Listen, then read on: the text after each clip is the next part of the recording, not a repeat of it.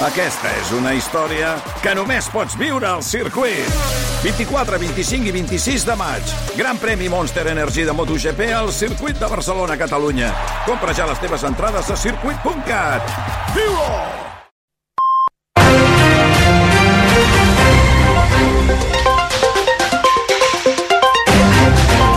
Les 3 en punt, hora d'actualitzar la informació en aquest recomigdia en què seguim especialment pendents del Pròxim Orient, d'una banda d'Egipte, on a aquesta hora la comunitat internacional fa una pausa de la cimera per la pau que ha començat aquest matí. Les primeres hores les han protagonitzat els països àrabs amb missatges contundents contra els occidentals per no frenar les atrocitats amb què Israel està responent l'atac de Hamas d'ara fa dues setmanes. Amb una veu que ha destacat per sobre de la resta, la del líder palestí Mahmoud Abbas, que ha assegurat que els seus conciutadans no marxaran de la terra on van néixer, diu, encara que els hi costi la vida. Senyores i senyors, no marxarem mai, no marxarem mai, no marxarem mai. Ens quedarem a la nostra terra. Que la pau, la misericòrdia i les benediccions de Déu siguin amb vostès. Wassalamu alaikum wa rahmatullahi wa barakatuh. Durant el migdia han intervingut altres estats com Alemanya que ha respost a les crítiques del món àrab de no donar el mateix valor a les víctimes palestines que les israelianes. La ministra d'Exteriors alemanya ha remarcat que al seu parer totes les vides civils valen el mateix. Tot plegat mentre, damunt del terreny de la guerra, aquest matí ha entrat el primer comboi d'ajut humanitari a la franja de Gaza. Han estat però només una vintena de camions, una xifra insuficient, però que s'ha vist com un gest en positiu abans d'aquesta trobada a Egipte. I continuen també les manifestacions arreu del món en suport a Palestina. A Londres aquest matí milers de persones han sortit al carrer per reclamar un alto al foc immediat. A Barcelona aquesta tarda s'ha convocat una altra manifestació, sortirà a les 6 de la tarda dels Jardinets de Gràcia i anirà fins a la plaça de Catalunya. I Joan Laporta denuncia una campanya contra el Barça i reitera la innocència del club en el cas Negreira. A l'Assemblea de Socis Compromissaris del Barça, el president ha insistit que el madridisme sociològic vol desestabilitzar el club amb el cas Negreira, però ha assegurat que no ho aconseguirà. La història del Barça no s'embruta. Aquesta campanya de desprestigi institucional sense precedents entenc doncs, que no ho hem de permetre. Eh? I no ho hem de permetre entre tots, no ho hem de permetre. Per molt que, que busquin, que remenin, que especulin, que difamin, no trobaran res. Un Laporta que s'ha mostrat convençut que el club serà absolt d'aquest cas Negreira i que aconseguiran repetir el millor Barça de la història. I la Lliga de Primera Divisió masculina torna després de l'aturada per seleccions amb un Sevilla-Madrid al Sánchez Pizjuán. Aquesta tarda, a dos quarts de set, en directe al Superesport, Sergio Ramos, ara el Sevilla, podria enfrontar-se al seu exequip. Demà, Barça Atlètic Club a les 9, abans, a un quart de cinc, Girona a Almeria, el partit sent de Michel a la banqueta gironina. Per cert, ara tenim el descans, el Reial Societat Mallorca amb empat a 0. I acabem amb el temps perquè Belcaral la tarda es presenta amb xàfecs en algunes comarques. Sí, com els que ja hem tingut al llarg del matí i descarreguen ara mateix, s'han de mantenir de manera dispersa i regular a les comarques de Girona, però també en àrees del nord del Maresme, Baix Montseny, en poden aparèixer també al sector occidental del Pirineu i entre el nord d'Osona, el Lluçanès i l'Alt Berguedà. Ha d'anar a la baixa el vent, que encara bufa amb unes certes ganes cap a sectors de la plana de Lleida, del sud de les comarques de Barcelona, comarques de Tarragona, el vent anirà a la baixa al llarg de la, de la tarda, i també a la dic a mitja tarda els ruixats tendiran també anar mm, desapareixent. Demà ens llevarem amb més fred, amb ambient de tardor més avançada i al centre del dia temperatures molt semblants a les d'avui, de 15 a 20 graus a la majoria dels casos, tot i que a la costa ens morem entre els 20 i els 22. Les 3 i 3. Tanquem el racó migdia que hem fet la redacció d'informatius i d'esports amb el Marc Selva, el control tècnic. A partir d'ara continuarem pendents de l'actualitat, els avanços informatius. A les 4 al Superesports i a les 11 al Tu diràs. Nosaltres tornem demà a les 2. Ara us deixem amb el viatge bé. Bona tarda. A Conforama podràs disfrutar d'un descompte del 15% per renovar el teu dormitori i un 10% en electrodomèstics. Ai, amb enviament gratuït. Només del 19 al 24 d'octubre. Conforama. RAC més 1, podcast. Oxigen, un podcast que et farà reviure situacions històriques de temps extrem a RAC més 1, amb Mònica Usat. En aquest episodi, la tempesta del segle. La nit del 21 de setembre del 1995 va descarregar la tempesta del segle a la ciutat de Barcelona. Els pas soterrats del carrer Aragó estaven anegats d'aigua amb la por de que algú hagués quedat a dintre. Ningú va pronosticar aquesta tempesta. Què va passar? Va ser que, que ens ho vam menjar amb patates, literalment. Oxigen, amb Mònica Usat. Cada 15 dies, un capítol nou. Escolteu-lo a la app de rac i a rac RAC més 1. Tots som Més 1. Teniu la maleta a punt, oi? Perquè ara mateix sortim de viatjar. A RAC1, Viatge bé, amb Esther Muñoz.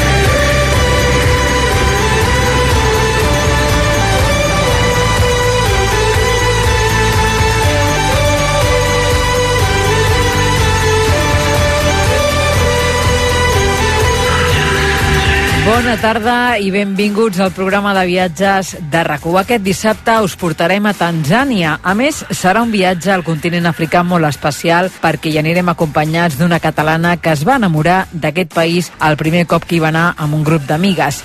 Era un viatge de retrobament personal, però va connectar tant amb aquesta terra i la seva gent que va decidir quedar-s'hi a viure allà sola.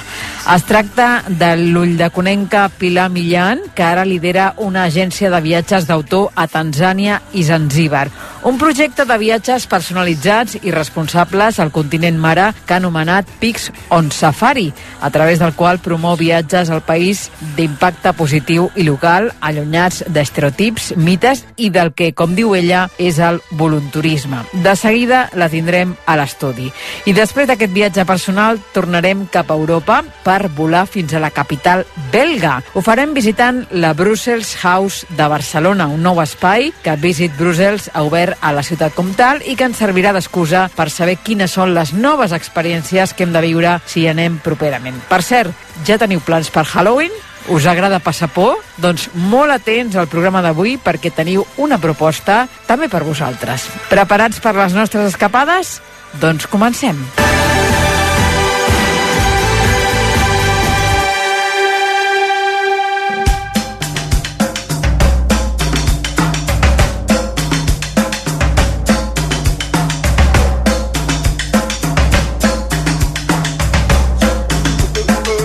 Marxem novament a l'Àfrica i ens fa molta il·lusió perquè, a més a més, avui ho farem amb la ullaconenca Pilar Millan. Es va enamorar del continent africà durant un gran viatge amb unes amigues i un cop allà va decidir quedar-s'hi.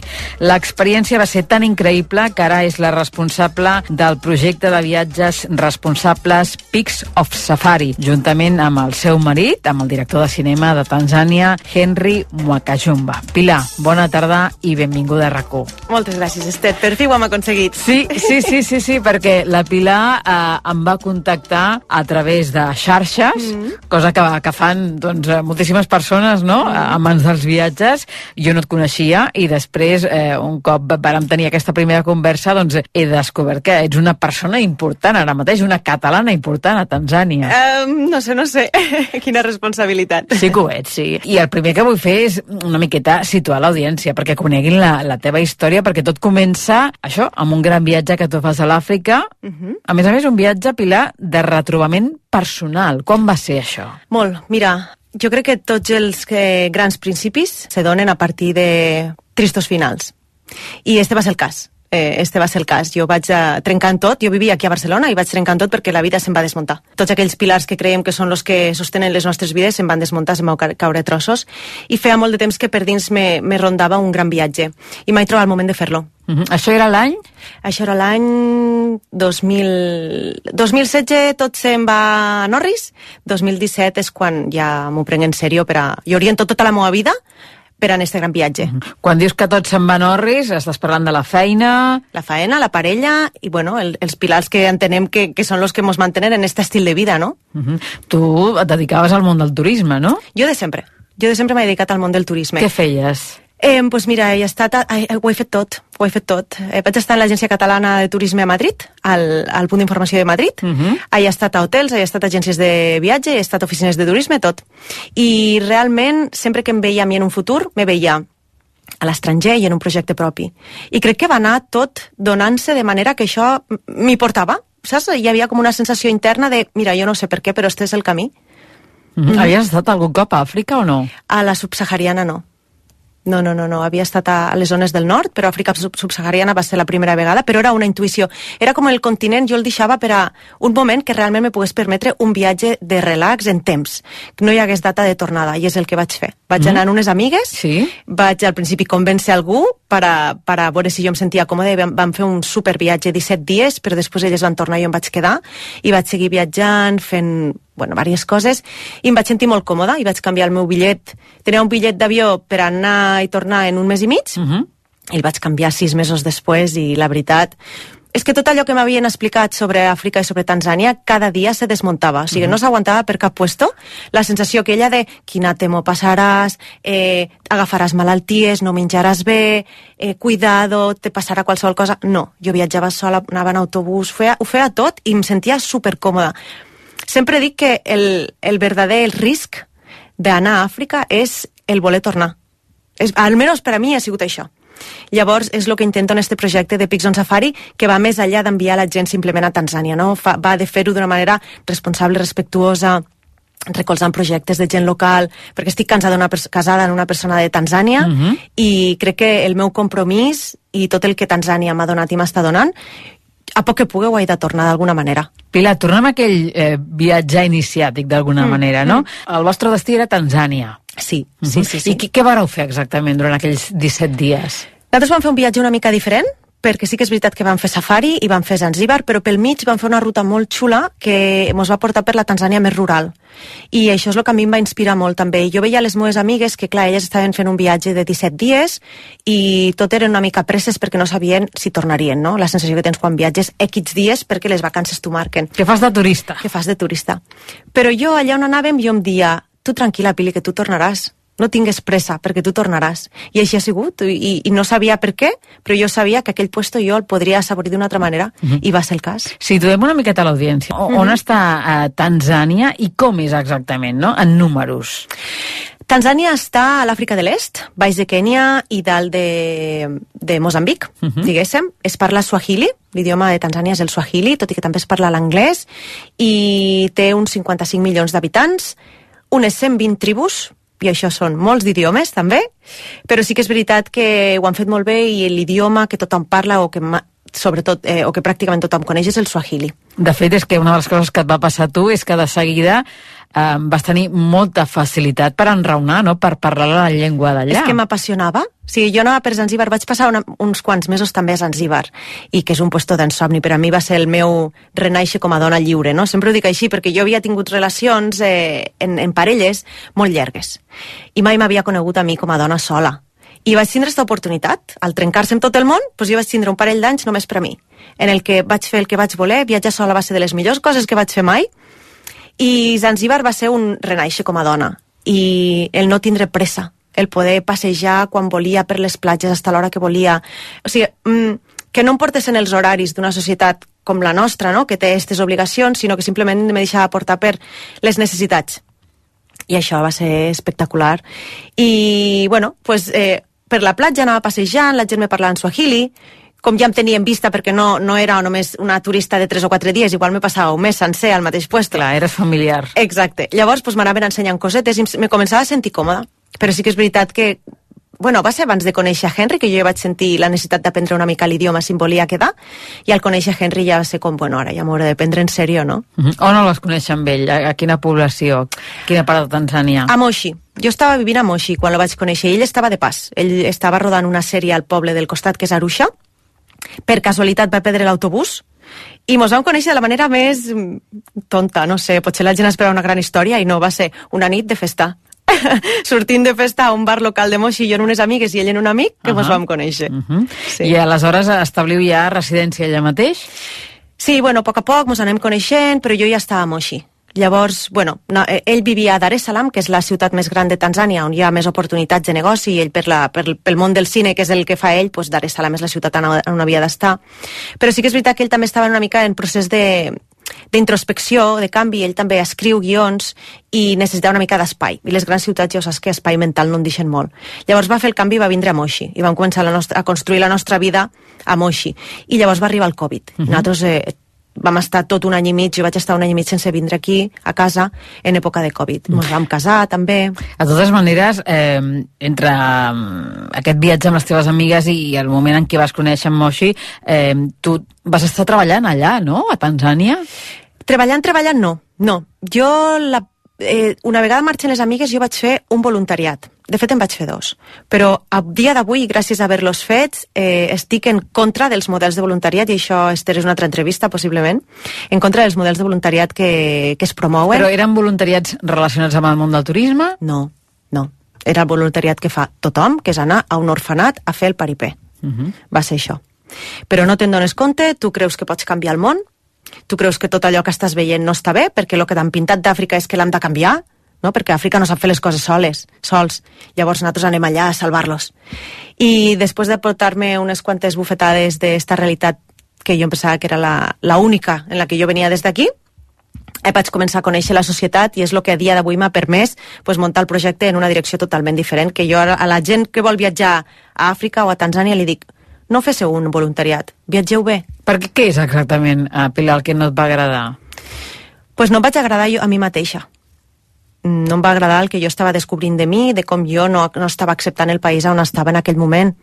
No em va agradar com mos havien descrit i explicat que era Àfrica i el que jo estava veient allà. Eh,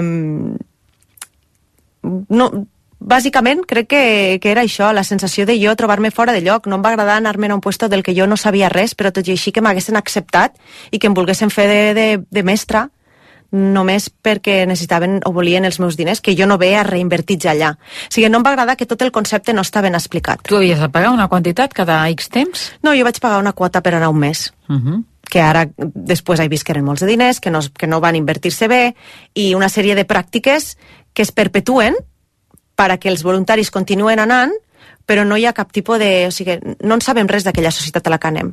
I, i això no té cap tipus de sentit. Doncs està, està molt bé que ho denuncis, perquè aquest voluntariat era un voluntariat creat directament allà o...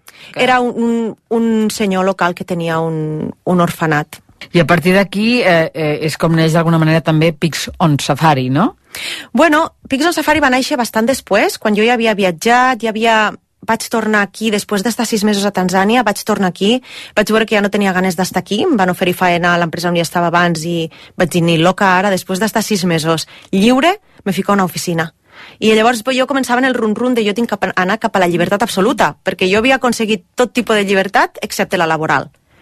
I llavors jo li pegava voltes a com aconseguir aquella llibertat laboral. I va ser quan vaig conèixer Henry, que, que ell també buscava aquesta llibertat laboral absoluta, que ara ja tenim els dos, i costa molt, però ja la tenim, que vam, bueno, que entre els dos diem, i com ho fem? I com ho farem? I bueno...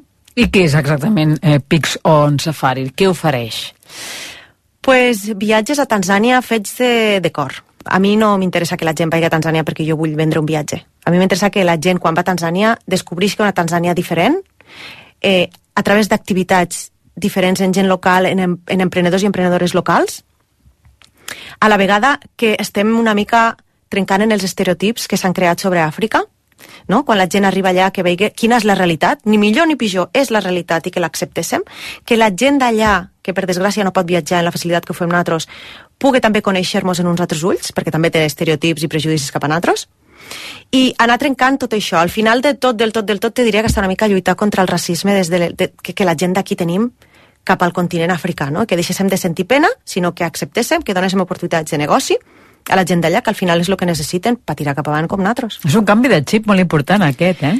Bueno, lluitant estem. És que, a més, jo la meva família és una família mixta. Si no lluito per això, quina és la meva lluita. Uh -huh. Pilar, són eh, viatges d'autor els que oferiu, personalitzats, uh -huh. responsables. Uh -huh. mm, a, a quin públic us dirigiu, no? Quins són els vostres clients? Ara mateix qualsevol persona que em troba, perquè jo hasta ara no m'he fet massa promoció, perquè no... Com no se pot trobar? No, no he tingut el temps, la veritat. Jo estic a les xarxes, Henry em fa uns vídeos espectaculars al YouTube i tinc uns vídeos que em troba molta gent de Sud-amèrica, últimament, i estan viatjant cap allà també. Pues estic a Instagram, i estic a YouTube i tinc una pàgina de web molt xula també, escric molts de posts al blog i molta gent me troba a través d'això també i bàsicament estos serien els canals. Uh -huh. Em deies que no hi ha cap viatge igual. No, és una faenada. Per què? Per què? Pues perquè cada persona que va a Tanzània té unes necessitats, perquè n'hi ha uns que són parella eh, que s'acaben de casar i busquen un tipus de viatge, però uns altres que s'han casat busquen un viatge més aventura, perquè uns tenen uns dies, els altres tenen uns altres, i cada un, uns van en família, els altres volen anar sols i volen anar en grup, cada un té unes necessitats. I també ho adaptem, els allotjaments són diferents, perquè si una persona em diu, pues a mi em dóna igual i vull allotjaments senzills, tenim un estil d'allotjament senzills que a més tenen projectes comunitaris detrás molt xulos. Per exemple? pues hi ha un hostal que a mi m'agrada molt, que tinc molta relació, que eh, empodera i dona educació a noies en risc d'exclusió social i a més les educa en les forma en turisme i hostaleria.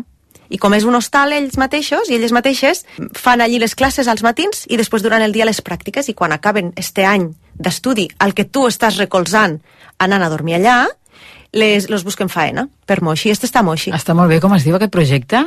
Mo Than a Drop. Uh -huh. I altres, altres que tingueu amb els que col·laboreu? Sí, nosaltres col·laborem també en una organització que es diu Wanawake, que fa unes pulseres i uns clauers. Les fan a Tanzània i a Kènia dones que han fugit de la mutilació genital femenina, dones Masai. Llavors, aquest projecte és molt xulo perquè se fan a Kènia i Tanzània, s'envien a Madrid, s'acaben per dones que han sofrit en català mai sé com se diu, la trata de Patit. blanques, que han Mhm. patit la trata de blanques, les acaben a Madrid i te les enviem a casa quan contractes el viatge, perquè el teu viatge comença abans, en esta col·laboració. Llavors, eh, què és esta pulsera que jo porto aquí? Sí, sí, Molt de xula. colors, no? Molt Mhm. xula, sí. I després col·laborem amb una altra organització que es diu Beyond Sun Care, que fan crema solar per a gent albina i conscienciació sobre l'al- l'albinisme a Àfrica, que és un gran tabú. Està molt bé aquesta tasca social que feu eh, col·labor- col·laborant amb aquests projectes, però m'imagino que, clar, eh, la majoria de persones que van a Tanzània el que volen fer, perquè és eh, el viatge estrella, eh, són els safaris. I tant. És, un imprescindible, en I feu. tant, I tant, sí. Jo et diria que en el temps que porto només una vegada m'ha passat que algú m'ha dit no vull fer un safari, que ja el vaig fer no sé on.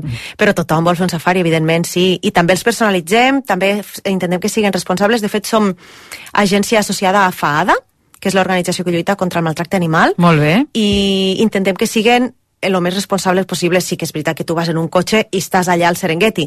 Però, bueno, eh, pues els nostres conductors el, intentem passar els valors de que no s'aproximen als, als animals. Si l'animal ve, pues perfecte. Però lluitem a través de, bueno, pues tot, és, tot un seguit d'accions, no?, per a intentar anar cap a lo responsable, que crec que, que és el que s'ha de fer. Mhm. A més a més, una de les coses que m'ha cridat l'atenció és que, Henry, tu doncs, heu estat pares, heu tornat a Catalunya, tu ets eh, d'Ull de Cona, de les Terres de l'Ebre, Sí. i ara porteu un temps aquí, però eh, el projecte continua funcionant perquè allà teniu un equip molt gran, que va molt bé. Sí, és que és el que et comentava, jo volia la llibertat absoluta. I la llibertat absoluta era també tindre un projecte que em permetigués estar allà on jo necessités estar. I això és així. Jo puc treballar d'on sigui, perquè sóc més la part de ventes, però després jo tinc tot el meu equip a Tanzània, que és el que jo vull, que la gent que viatja d'aquí cap allà estigui en contacte amb la gent d'allà, i ells es van a buscar a l'aeroport, ells us fan tres visites guiades, ells fan els guies, eh, els safaris, ells ho fan tot. Mhm. I elles. A quin aeroport s'arriba? En tenim varios internacionals. Lo ideal per a un viatge a Tanzània seria començar Algú pel nord, que, que viatgi des d'aquí, des de Catalunya. pues tu surts de Barcelona, per exemple, has d'arribar normalment a l'aeroport de Kilimanjaro, que és el del nord. I llavors faràs una ruta que segurament si vols acabar a Zanzíbar hauries de sortir per Zanzíbar, per anar bé. Això seria una mica... I llavors, a nivell de dies, depèn. Jo sempre dic que no sóc la millor per aconsellar, perquè jo em vaig quedar. Llavors, Però- quan la gent em diu, quants de dies he d'anar? Dic, jo em vaig quedar. Un viatge tipus, quin seria? Per Pues algú mira- que no hi ha anat mai. Depèn dels dies que tinguis, però entre 10 i 17 dies pots arribar a fer-te una bona idea del que és Tanzània. Mm, quants més dies tingues, doncs més activitats culturals locals i de natura podrem incloure. Jo entenc que bàsicament tothom vol fer el safari i després Zanzíbar, no? Però jo, pues, bueno, si puc, sempre fico pues, algun taller de cuina a casa d'una senyora local, que és molt xulo, una classe de ball, eh, una ruta en bici, un senderisme, tot això ho deixem, és, és al principi per a que se sente pues, totes aquestes emocions, no arribes a l'altra part de món. És un contrast brutal. I llavors arribes també d'un vol molt cansat. Llavors fem els Quantes primers hores dies... són? Tu pots estar tranquil·lament viatjant 16 hores o més. Mm. Mínim dos vols. Llavors, ja que estàs allà, doncs, bueno, arribem, fem... A mi m'agrada que la gent vagi a Moixi, que és la ciutat on nosaltres estem vinculats, que és el que comentàvem abans. És una ciutat petita? És una ciutat menuda, és una ciutat molt còmoda per a, per a una persona que és estrangera, perquè no és gens hostil i la gent és molt agradable. Llavors, allà passem un parell de dies fent certes activitats eh, de, de recolzament d'emprenedors i emprenedores locals i després d'allà anem a fer el safari. Això seria una mica... Safari, 3-4 dies, depèn. Si algú té moltes ganes, o si anem a veure el, el creuament de la gran migració, no? si tu vas a Tanzània en moment que és la gran migració està a punt de creuar al nord de Serengeti, llavors ja fem un safari una miqueta més llarg perquè són més quilòmetres. I d'allà a Zanzíbar. I si tens molts de dies, llavors ja et munta una ruta superxula pel centre de Tanzània en cotxe. Hi ha alguna època de l'any que sigui millor per anar-hi que una altra? Mm, Hi ha una època que és pitjor, que és abril i maig, que són l'època de pluges llargues. Fora d'abril i maig eh, sol ser molt adient. Quan sortim de pluges, per exemple, juny, juliol, agost, la temperatura és més fresqueta, és molt bona època, però hi ha molta més gent, perquè juliol i agost són les nostres vacances i tothom va a... tothom viatja. Clar, clar, sí, sí. Eh, Setembre-octubre està sent molt bona època també, llavors Nadals també és molt bona època. Gener, febrer fa bastanta calor però també està bé. Uh -huh. Doncs informació de servei per, per tenir en compte. Uh, Pilar, uh, ja que et tinc aquí, mm, vull parlar amb tu d'aquesta feina que fa en Henry, uh -huh. perquè ell va estrenar una pel·lícula sobre Sí. una realitat que es viu a Tanzània que m'agradaria que compartissis amb la nostra audiència. Sí. Quina és? Bueno, una realitat mundial, per desgràcia. Henry ha fet una pel·lícula sobre violència de gènere. És una realitat que, que està, bueno, que, que per desgràcia està a tot el món ara mateix. La van presentar a Montfilmat, el Festival de Cinema Internacional d'Amposta, i van cantar. I després la van presentar a Ullecona també perquè nosaltres, com a part tanzana i part de, que estic vinculada, evidentment, a Ullecona, pues també la gent li va agradar molt i va tindre molt bona acollida. A l'ell el que li va passar és que l'última vegada quan vam anar a Tanzània estava escrivint una pel·li per a, per a rodar-la aquells mesos que estàvem allà uh -huh. i de la nit al dia, quan ja la tenia acabada, em diu n'escriuré una altra, no rodaré esta, vaig a fer una altra, perquè, bueno, va conèixer dos notícies sobre dos dones conegudes, importants, que tenien una veu al món de... Una era cantant, eh, nigeriana, i que van ser assassinades a mans de les seues parelles, i que tot i tindre una veu i, i gent que les escoltava, no van poder sortir d'esta lacra que és la violència de gènere. Llavors, va escriure, va, va, va, en un mes o menys va escriure la pel·lícula, és una pel·lícula preciosa, dura dues hores. Com es titula? Lost and Found. Uh -huh. I, eh, pues això, una pel·lícula...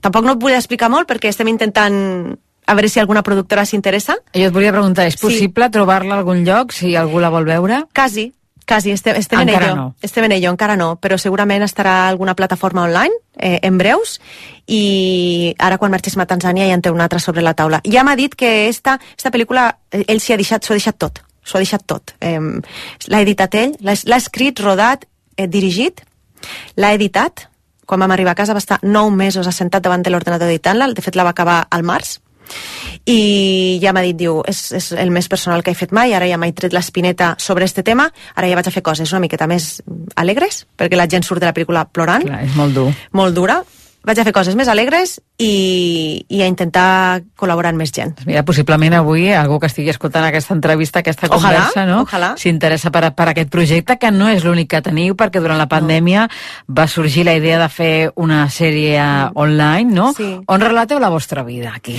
Sí, sí, este va ser un projecte molt divertit perquè vam dir, és que la gent està allà avorrida a casa, no tenen res que fer, i vam dir, i si es distraem una mica? Total, nosaltres aquí a Tanzània no va haver cap tipus de, de tancament, o sigui, la, la vida va continuar. Uh -huh. I vam dir, vinga, anem a fer una sèrie en, en la meva vida aquí a Tanzània, on nosaltres des del sofà expliquem pues, què és viure a Tanzània per a mi. I llavors teníem una veïna que m'ensenyava pues, a carregar bebès a l'esquena, a cuinar, i mos ho vam passar molt bé. Va ser un projecte molt xulo de cinc capítols. Cinc capítols, Cinc eh? De quina capítols. durada, cada capítol?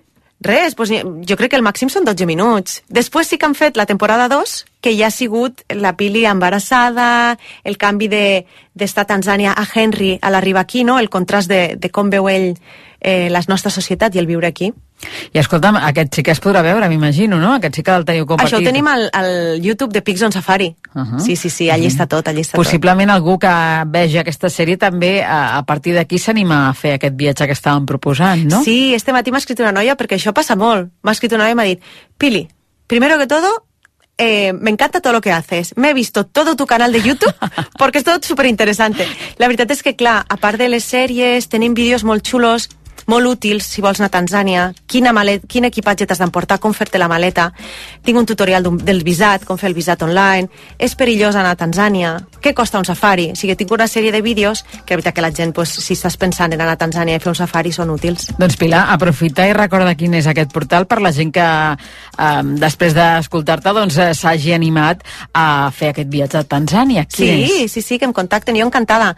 Eh, pues al YouTube, tot, eh, tot el que tinc és sempre baix del mateix nom, és Pix on Safari, que és P-I-K-S o N Safari. I tot està, estic al YouTube, a la pàgina web és el mateix nom i l'Instagram és el mateix nom. Ara em sembla que de cara al novembre ja torneu cap allà, no? Sí, sí, sí, sí, tot va bé, nosaltres al novembre on tornem, ja ens intentem instal·lar en dos bebès, que això és un gran canvi, logísticament Quina edat tenen? gran. Dos i un anys. Sí. Són molt petits. Molt, molt, molt, me porten, me porten loca. Però estan molt acostumats a viatjar, eh? Bueno, per ara agafar el tren cap a Barcelona, que és tot el que fem.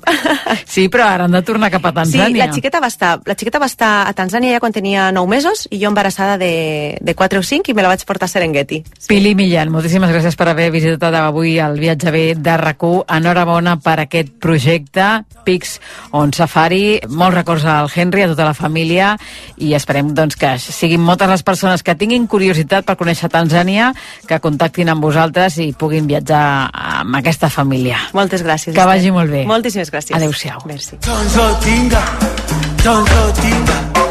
A rac Viatge bé. Viviu l'experiència del viatge amb Esther Muñoz. Renovada, actualitzada. Ara, a rac encara és més fàcil descarregar, escoltar i compartir els teus podcasts preferits. R-A-C-U.C-A-T El portal de notícies de RAC1. A rac Viatge bé. Una altra manera de viatjar amb Esther Muñoz.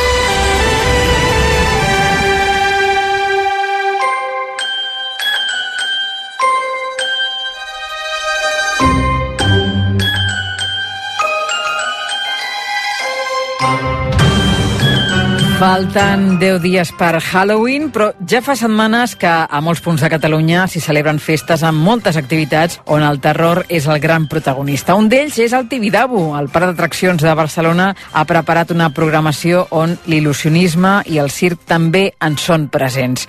Per saber quines sorpreses ens hi esperen, si hi anem, saludem ara mateix un dels artífecs d'aquesta proposta, que és l'Enric Tomàs, cap de màrqueting del Parc. Enric, bona tarda, benvingut al viatge de RAC1. Tibidabo. Bona tarda, què tal, Esther, com estàs? Bé, molt, molt d'ambient, al Tibidabo? Pues, doncs molt bé, molt bé, estem, estem molt bé i ara que ja està, està arribant el, el fred o està arribant el temps més de, de tardor, doncs l'ambient de Halloween, de por, ja és encara més, més intens. Encara estem millor, no? En, exacte, en temporada altíssima de Halloween. Uh -huh. eh, ho dèiem en començar, no? Fa tres setmanes que ja esteu celebrant el Halloween, que la gent no es pensi que això és eh, només la nit del 31, sinó que ja us poseu a treballar abans. Com està anant, no? Teniu moltes persones que realment us visiten atrets per aquesta festa que cada cop està agafant més força aquí a casa nostra? Sí, sí, nosaltres vam començar la, la temporada de Halloween d'aquest any, la vam començar el 30 de setembre i durarà fins al 12 de novembre, i efectivament aquest any ja estem tenint moltíssims visitants, es nota que hi ha un repunt de visitants al Tibidabo, i això doncs, ens demostra que és una, una tendència que ja arrosseguem de l'any passat. Aleshores nosaltres el que fem és preparar tota una programació i tota una sèrie d'accions molt, molt relacionades amb Halloween per atraure els visitants i sobretot per sorprendre'ls, per espantar-los i perquè, i perquè passin un bon, una bona estona en el fons, que és el que sempre busquem al Tibidabo. Perquè passin por, sobretot. També, també, també. Que passin por, que és, bueno, Halloween és sobre la por. És el no, que fons. toca, clar. Escolta'm, com ens hem d'imaginar el parc? Canvia molt eh, respecte a altres èpoques de l'any? Heu decorat una part, totes les atraccions, només algunes? Com ens el trobarem? El parc ens el, ens el trobem diferent segons el moment del dia, és a dir, estan a l'entrada, veurem carbasses per tot arreu, que és un, la, la típica carbassa de Halloween, les hem decorat per tot arreu.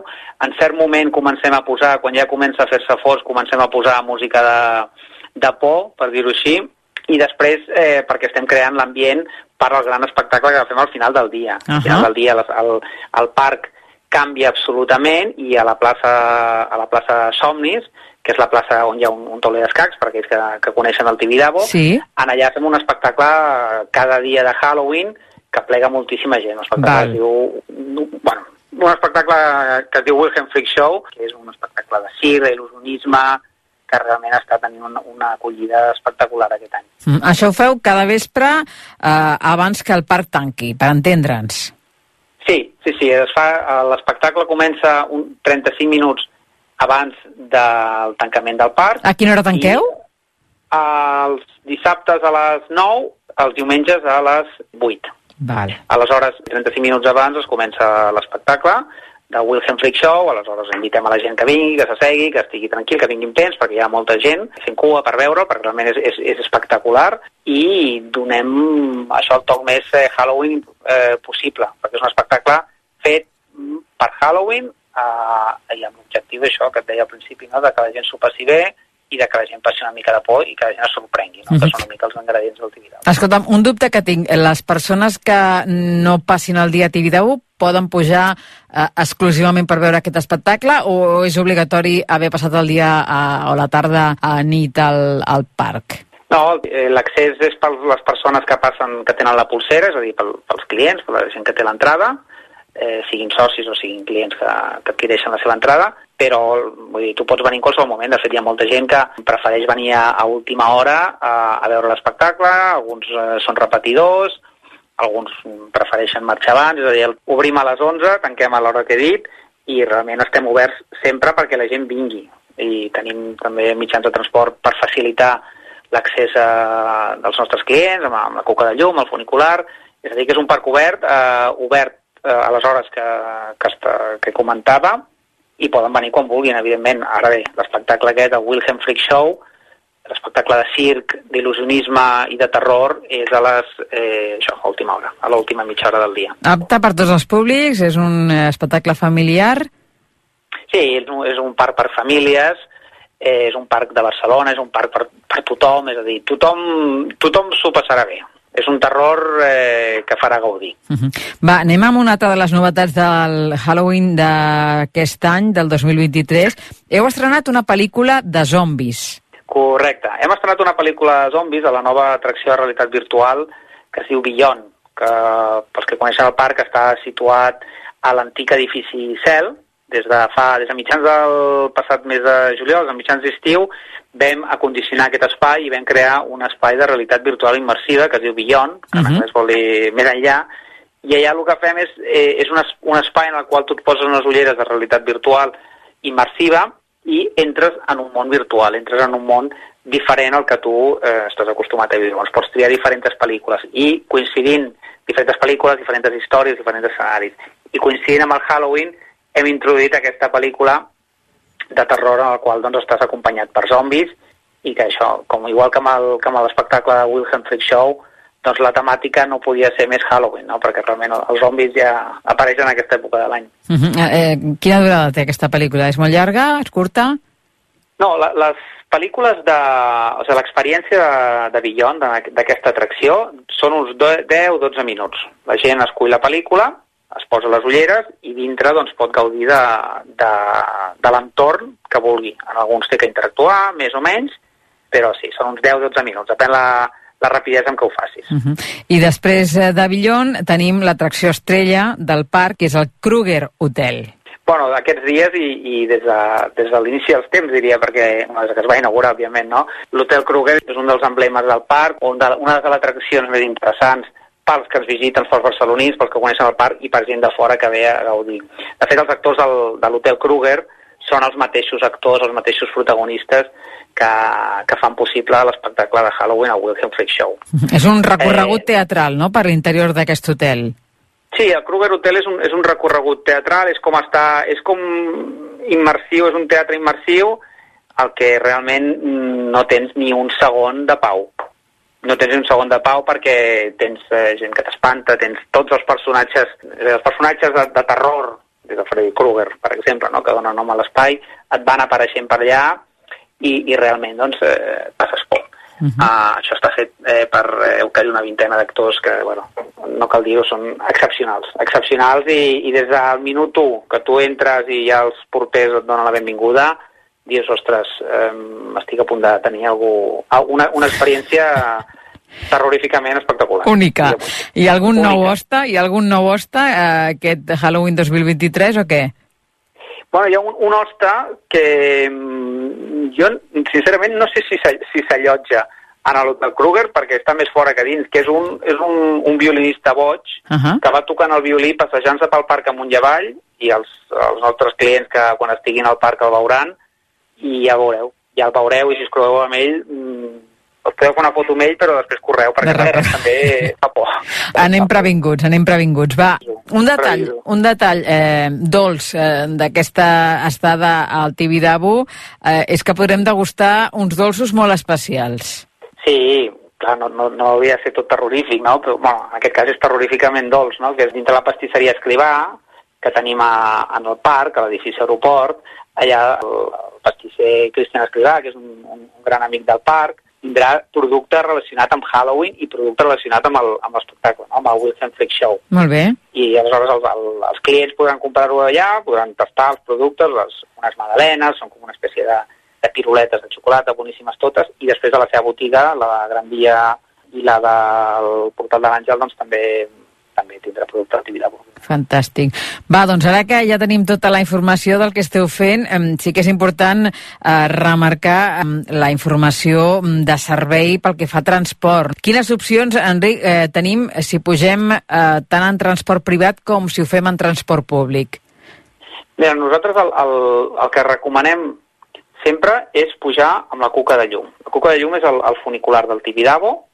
Des de fa dos anys i mig es va canviar i es va posar el funicular cuca de llum, que és un disseny molt, molt espectacular, un disseny que ha guanyat diversos premis a nivell nacional i internacional, i és l'opció més ràpida, més eh, sostenible d'arribar al parc. Nosaltres el que recomanem és, per aquells que venen, per exemple, de fora de Barcelona, poden anar al pàrquing de Sant Genís. El pàrquing de Sant Genís està justament davant de, de l'Hospital Vall d'Hebron. Sí.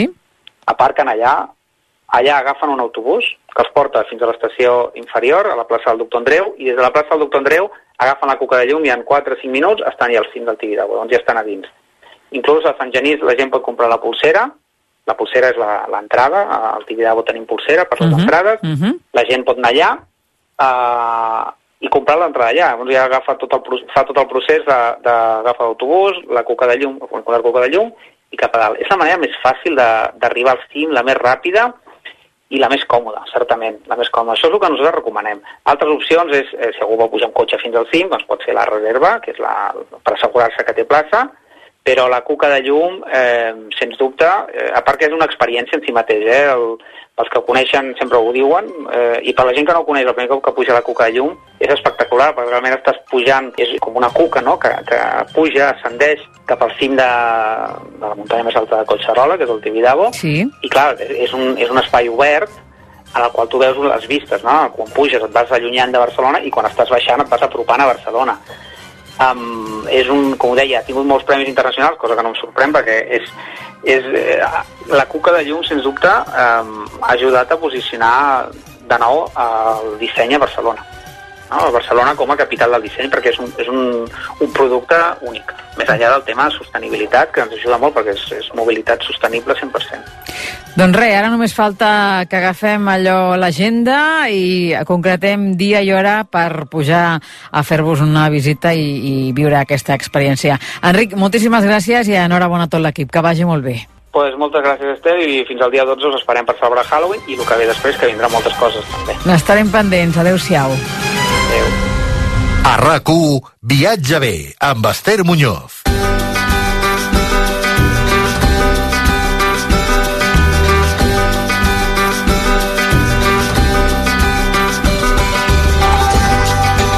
Fa exactament un mes es va inaugurar la Brussels House a Barcelona, un aparador per promocionar la regió de Brussel·les com a destí econòmic, turístic, que la setmana vinent celebrarà una jornada de portes obertes. Per parlar d'aquest nou espai gratuït a la capital catalana tenim amb nosaltres la seva responsable, la Núria López, representant de promoció de Visit Brussels a l'estat espanyol. Núria, bona tarda, benvinguda al viatge de rac Hola, bona tarda, moltes gràcies. El passat 21 de setembre va ser la data concreta a la qual es va inaugurar aquesta Brussels House de Barcelona. Jo vaig tenir l'oportunitat d'acompanyar-vos. Aquesta és la segona apertura d'una casa de Brussel·les després de la de Milà, que es va inaugurar el mes de febrer. Per situar una miqueta els oients, Núria, mm -hmm. què et sembla si els expliques què és exactament una Brussels House? Com dius, és la segona, que és sobre, doncs, a nivell internacional. La primera va ser a Milano i ara aquesta, bueno, el mes de febrer aquest mateix any i ara la de Barcelona doncs, el mes passat i a part de ser la nostra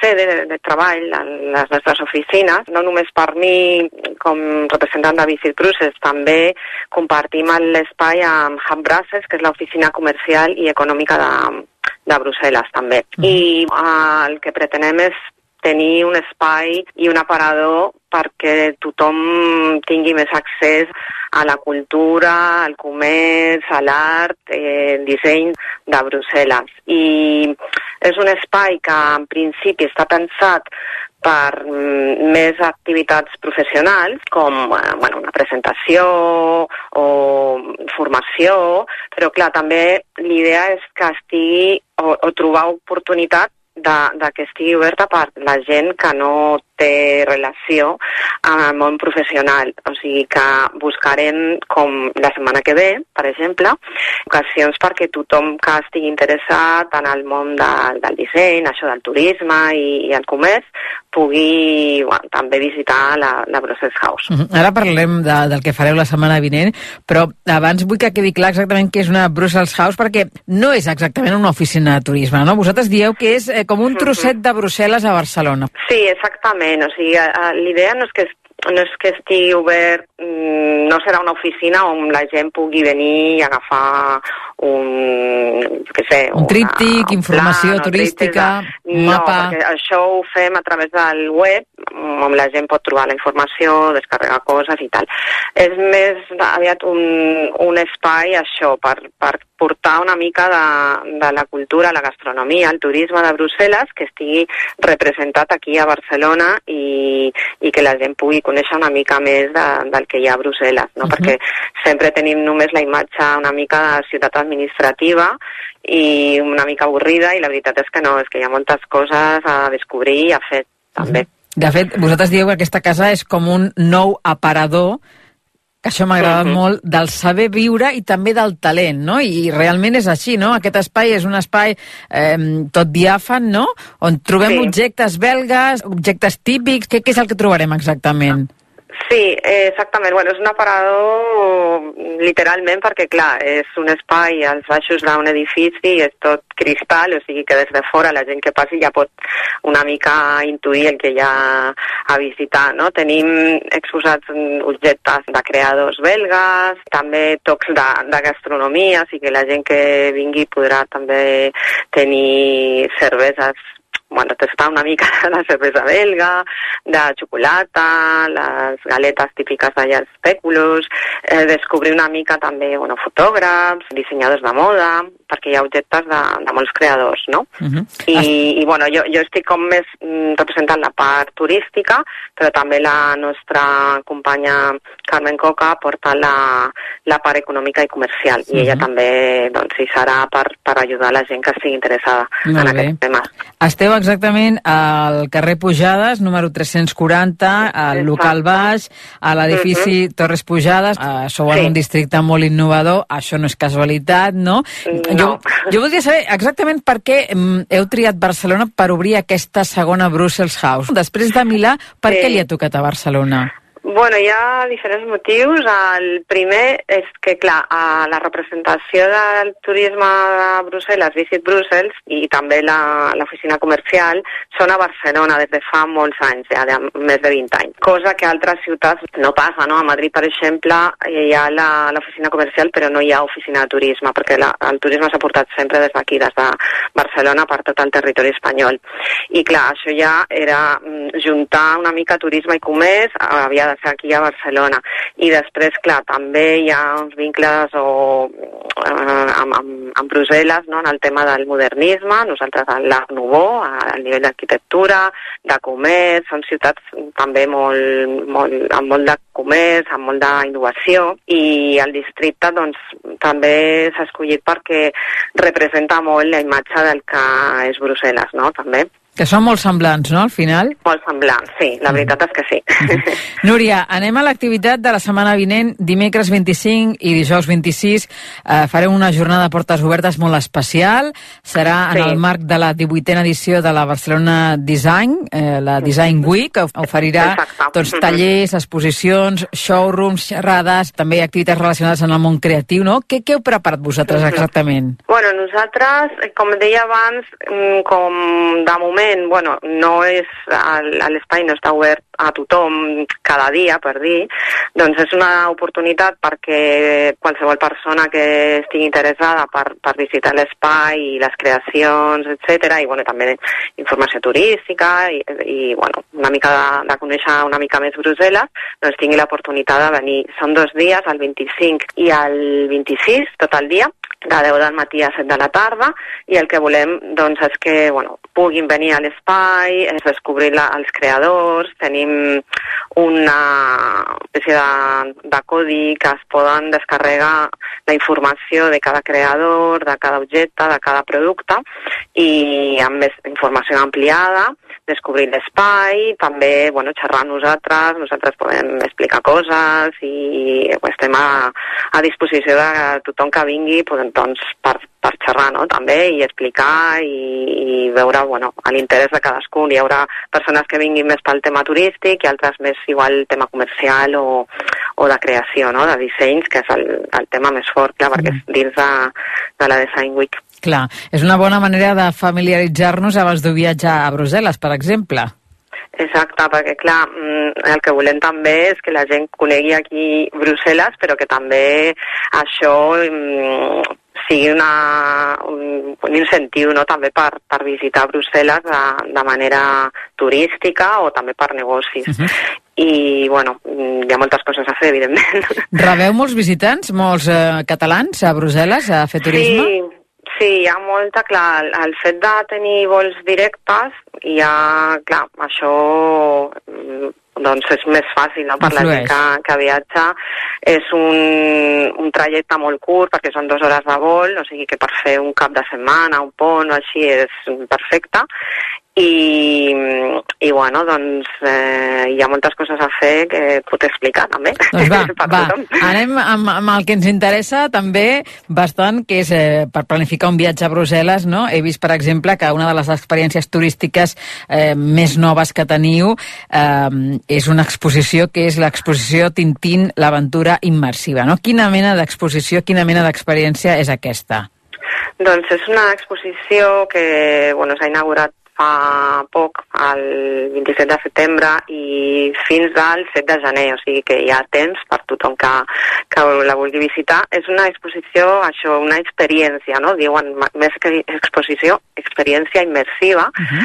en un edifici molt, també molt excepcional, a Ture Taxis, a, a prop del centre de Brussel·les, i és tot amb imatges, eh, bueno, una experiència de, envoltat d'imatges, de, de so, d'informació de, de, dels personatges de Tintín, de l'evolució que va fer, de les aventures, els àlbums de Tintín, o sigui que tot el que sigui tintinaire doncs no s'ho pot perdre, no? Fins quan està aquesta exposició? El 7 de gener. Uh -huh, perfecte, doncs eh, sí. tenim aquest marge eh, fins després de, de Reis. De fet, pel que he vist, és un viatge en el temps des de la primera eh, i fins a l'última edició del Tintín, és a dir, des de l'any 1929 fins al 2023. Exacte. Qui, quines -huh. sorpreses trobarem en aquest viatge? Alguna que puguem avançar? Eh, a veure, mm, jo no l'he vist, he de reconèixer que jo encara no he estat, però anar al, al mes que ve, però bueno, crec que és millor que la gent que vagi doncs, a, va ser una exposició que ja es va fer a París sí? i va tenir molt d'èxit, uh -huh. o sigui que ja ara l'han portat a Brussel·les. Uh -huh. O sigui que ja és, bueno, això és l'excusa per anar, perquè clar, també el, aquesta exposició que dura fins al gener, d'aquí a poc comença també el, el Mercat de Nadal, clar, que dura, clar. dura més d'un mes, Uh -huh. i clar, no només l'exposició, es pot aprofitar per això, per veure el Mercat de Nadal que comença l'últim cap de setmana de, de novembre. Molt bé. Fins al 2 de gener. I com és? Com és aquest mercat? El mercat sí que hi has anat, no?, altres Aquest, anys? ai, Sí, sí, sí. Bueno, jo cada any. I com és? Com és? A veure, és el mercat de Nadal més gran de Bèlgica i, bueno, cada, cada any és més gran perquè, clar, mm, van afegint activitats i coses a fer i és un mercat amb activitats cada dia, o sigui, des del primer divendres que comença a l'últim cap de setmana, que crec que és el, novembre? aquest any el 24 Sí. o el 25, crec, aquest any. Cada dia, per exemple, a la tarda, des de les 5 de la tarda fins a les 10 de la nit, hi ha eh, un espectacle de so i llum a la Gran Plaça de Brussel·les. La Gran. Plaça de Brussel·les és patrimoni UNESCO, o Mhm. sigui que l'escenari d'això ja és espectacular, Espectacular. i amb, amb això doncs més encara. També hi ha eh, les paradetes de Nadal, més de 250 a, a la plaça Sant Caterim.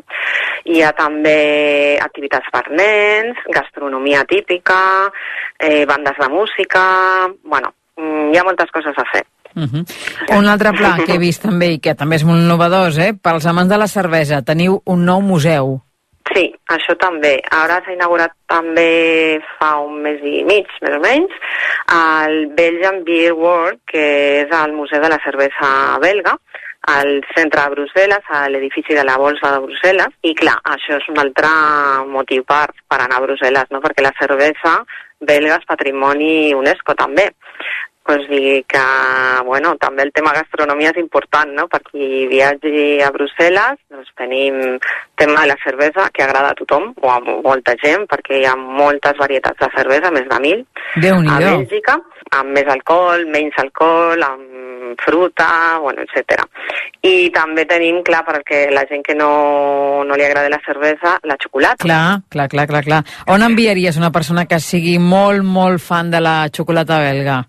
Doncs xocolata, mm, a part de fer visita als xocolaters d'allà de, de Brussel·les, que hi ha molts, al Museu de la Xocolata, que és un recorregut de, de la història del cacau des de que va arribar d'Amèrica a, a Bèlgica, perquè clar, va passar a través de la, dels reis d'aquí, no? Mm, I com que la cort estava a Brussel·les, doncs la xocolata va arribar, el cacau va arribar directament a Brussel·les des d'Amèrica. Mm -hmm. I el primer bombó es va crear a Brussel·les, també és una invenció belga, i, i clar, en aquest museu doncs, explica tota la història, des que va arribar el cacau fins que va les creacions actuals i, i la xocolata, que abans no era el que era ara. I bueno, és molt interessant i acaben en una degustació. El de la xocolata acaba en una degustació de xocolata i el de la cervesa en una degustació de cervesa. Molt complet, eh?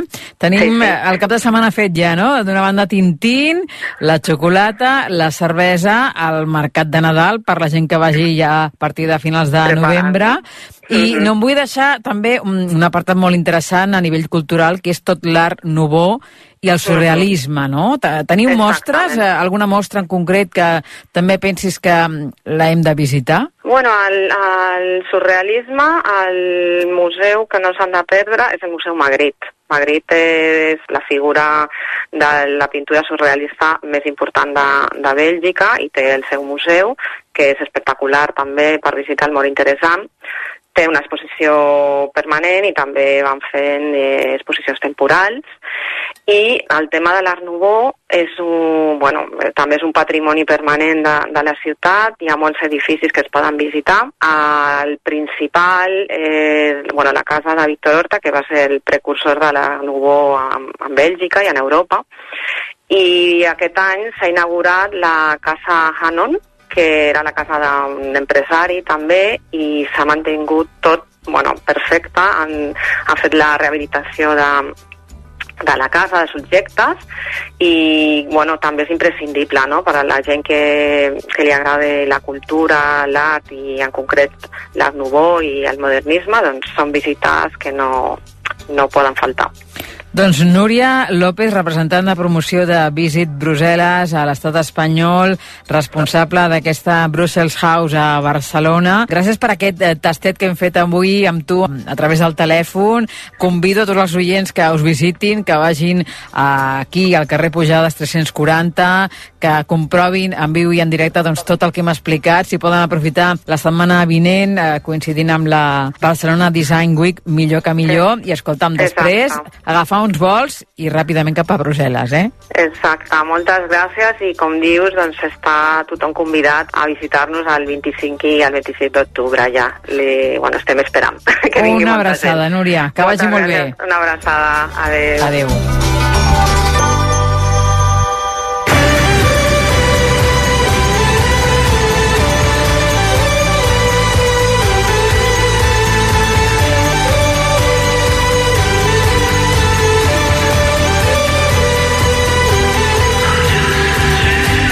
És moment de recollir la maleta, però abans vull parlar-vos d'un viatge molt especial que no us podeu perdre. L'exposició mundial sobre la carrera espacial ha arribat per primer cop a Barcelona. Discovery Channel presenta Space Discovery des del 28 de setembre a l'espai immersa de Barcelona. Descobriràs i ho aprendràs tot sobre el viatge de l'home a l'espai. Hi veuràs objectes espacials, coets a mida real i un espai perquè els més petits se sentin astronautes. El Cosmocarm. No estiguis a la Lluna, compra la teva entrada a spacediscovery.es. Dit això, ara ja sí, és moment d'acomiadar-nos. Fins aquí el nostre viatge bé que ens ha portat fins a Tanzània, Brussel·les i també al Halloween Made in Tibidabo. Salutacions meves i del Daniel Puntiprats a la realització tècnica. Aprofiteu el que queda de cap de setmana i no deixeu la maleta gaire lluny perquè ens retrobarem el proper diumenge 29 d'octubre a les 3 i 3 de la tarda. Recordeu, la cita serà la setmana vinent, diumenge.